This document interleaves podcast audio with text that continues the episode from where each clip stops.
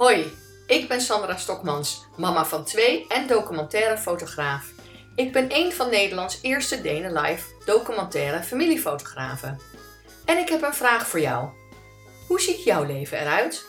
Zou je daar geen echte foto's van willen hebben? Van die foto's die je wat doen voelen?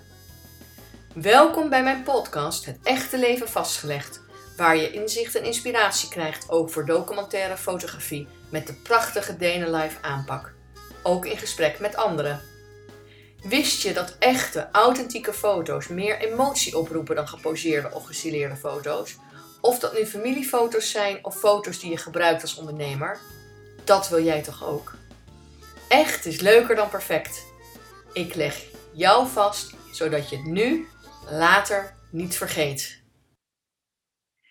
Nu zullen jullie je misschien afvragen: wat is documentaire familiefotografie? En ik wil jullie in deze aflevering graag iets vertellen over de pracht van het alledaagse. Over de mooiste vorm van familiefotografie, DNA Life. Binnen de Nederlandse cultuur heeft altijd een sterke traditie bestaan in het observeren en analyseren van de werkelijkheid. Dit zien wij bijvoorbeeld terug bij de schilder Frans Hals.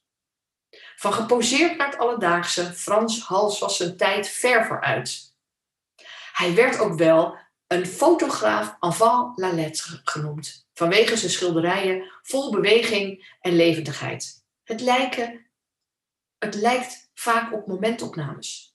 Frans Hals is geboren in Antwerpen in 1582-83 en verhuisde naar Haarlem in 1666. En hij geldt als een van de belangrijkste oud-Hollandse meesters. Mensen werden getroffen door de levendigheid van de halsportretten, bedoeld als impressies uit het dagelijks leven. De Duitse schilder Max Liebermann, die leefde tussen 1847 en 1953, zei Waarom vinden we dat een portret door Frans Hals goed lijkt? Zijn eigen antwoord was: omdat het overtuigt. En waarom overtuigt het ons? Omdat het leeft. Documentaire fotografie is de aanpak van het fotograferen van iets precies zoals het is, zonder enige inmenging, aanwijzing of invloed van de fotograaf. Fotojournalistiek en documentaire fotografie houden zich beide bezig met het optekenen, beschrijven en interpreteren van de werkelijkheid. Beide genres kregen pas in het begin van de 20e eeuw, de jaren 20, een professionele status. De fotojournalistiek ontwikkelde zich in Duitsland. En in Engeland en Amerika vond de oorsprong van de documentaire fotografie plaats. In de jaren 20 werd in Amerika de term documentary gebruikt, als verwijzing naar een filmgenre waarbij een feitelijke situatie of gebeurtenis uit het werkelijke leven wordt geanalyseerd en in een creatieve dramatisering weergegeven. Pas begin jaren 30 raakte die term in gebruik in de fotografie, als aanduiding voor de sociaal-kritische foto's van Louis Hine over kinderarbeid en immigranten in New York, en de rapportages van bijvoorbeeld Dorothea Lange over het leed van de Amerikaanse boeren in de zuidelijke staten als gevolg van de crisis en de droogte. In Nederland werd vooral de documentaire impuls in de fotografie gevormd door politieke of sociale geëngageerdheid. Tijdens de oorlog werden fotografen betrokken bij het verzet via de illegale organisatie van de ondergedoken camera. De rapportages die bijvoorbeeld Kast Orthuus, Emmy Andriessen en Ad Windig maakten van de Duitse bezetting en de oorlogswinter in Amsterdam behoren tot het meest indrukwekkende voorbeeld van sociaal-realistische documentaire fotografie in Nederland. En de documentaire impuls werd zelfs in de laatste jaren van de 20e eeuw gebruikt als stijlmiddel in de reclame. Alles moest uit het echte leven gegrepen lijken. Documentaire fotografie wordt gebruikt om belangrijke gebeurtenissen of relaties of ideologieën van onze tijd te beschrijven die in de toekomst historisch worden gebruikt. En documentaire fotografie wordt veelal ingezet voor het volgen van mensen, groepen van mensen, families, kinderen en dergelijke. Alleen wordt dit vaak gedaan om persoonlijke redenen of vanuit opdrachten via kranten of tijdschriften. Zoals in 1884, waarbij Sally Mann intensief het opgroeien van haar eigen kinderen, Emmet, Jessie en Virginia, allemaal jonger dan tien, begint te fotograferen. Tegen haar favoriete achtergrond, namelijk het mythische landschap van het Amerikaanse zuiden. Het project werd in 1992 afgesloten met de publicatie Immediate Family, waarmee ze in één klap beroemd werd. Gemaakt met een groot formaat camera zijn de foto's ver verwijderd van de informele kiekjes die meestal genomen worden om het gezinsleven vast te leggen. Deze foto's, of ze het nu lijken of niet, zijn opzettelijk geposeerd en zorgvuldig gemaakt. De kinderen spelen, maar hun spel is voor de camera. In Nederland heeft Carla Kogelman in 2018 ehm, de eerste prijs gewonnen bij de Long Term Project categorie van de World Press Photo met haar serie Ich bin Wald Wirtel. Ze fotografeert al sinds 2012 de twee zusjes Hanna en Elena in Merkenbrechts, een bio-energiedorp in Wald Wirtel in Oostenrijk. En ze bezoekt ze een paar weken, meestal in de zomer, elk jaar, terwijl ze kijkt hoe ze opgroeien en samen de tijd doorbrengen. Maar is documentaire fotografie ook voor gewone gezinnen, voor bedrijven? Bij documentaire fotografie worden dus echte gebeurtenissen in het leven gefotografeerd voor historische redenen en zodat generaties leren hoe leven in een bepaalde periode is. Het leven tonen gewoon zoals het is, evenals het alledaagse. En dit is waar documentaire familiefotografie zijn intrede doet. Ik ben dus een van Nederlands eerste vijf fotografen die is begonnen met Day Life fotografie commercieel aan te bieden. Een van mijn eerste blogs uit begin 2015 heeft als titel Wat is lifestyle fotografie? Dat is waar iedereen het toen over had. Van wat ik hiervoor over documentaire fotografie vertelde, was ik toen nog helemaal niet doordrongen. Ik fotografeerde al jaren de gewone dagelijkse dingen van mijn gezin.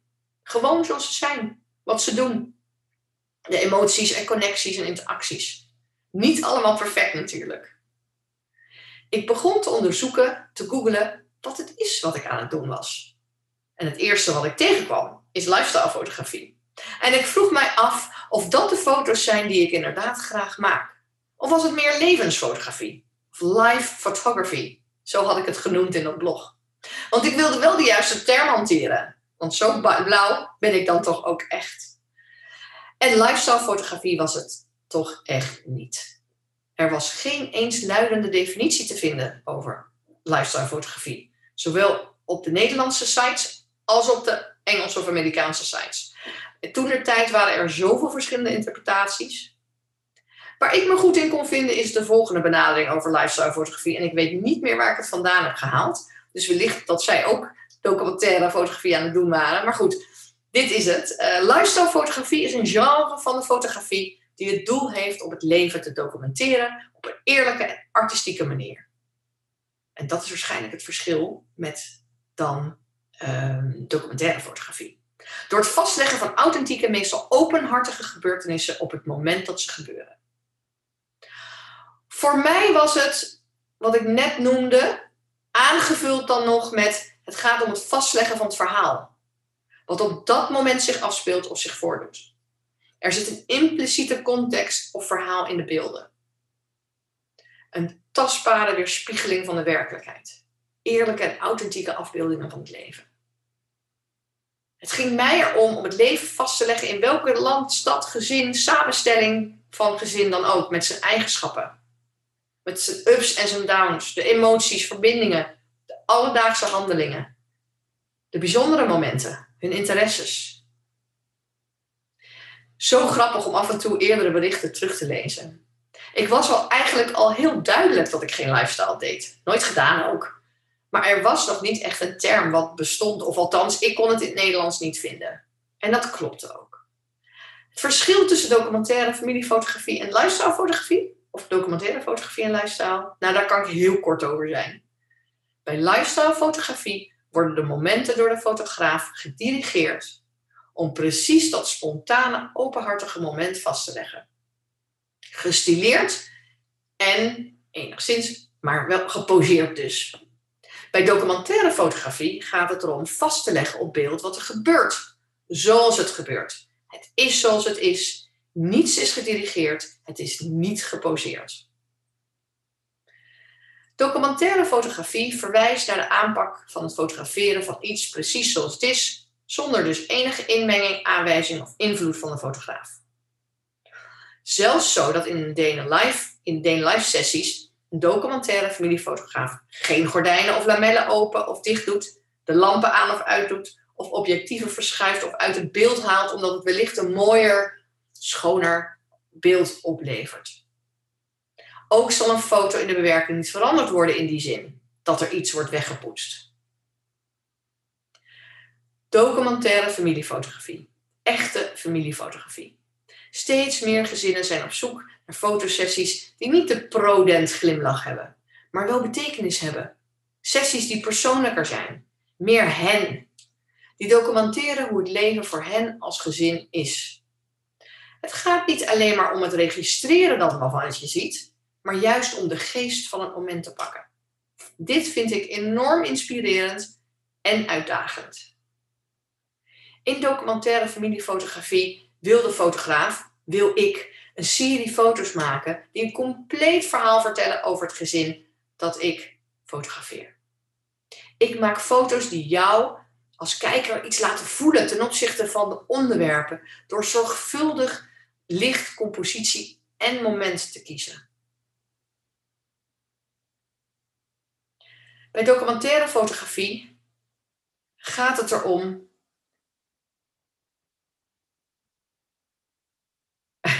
Bij documentaire fotografie gaat het om het vastleggen van echte gebeurtenissen voor historische redenen. En zodat generaties leren hoe het leven in een bepaalde periode is.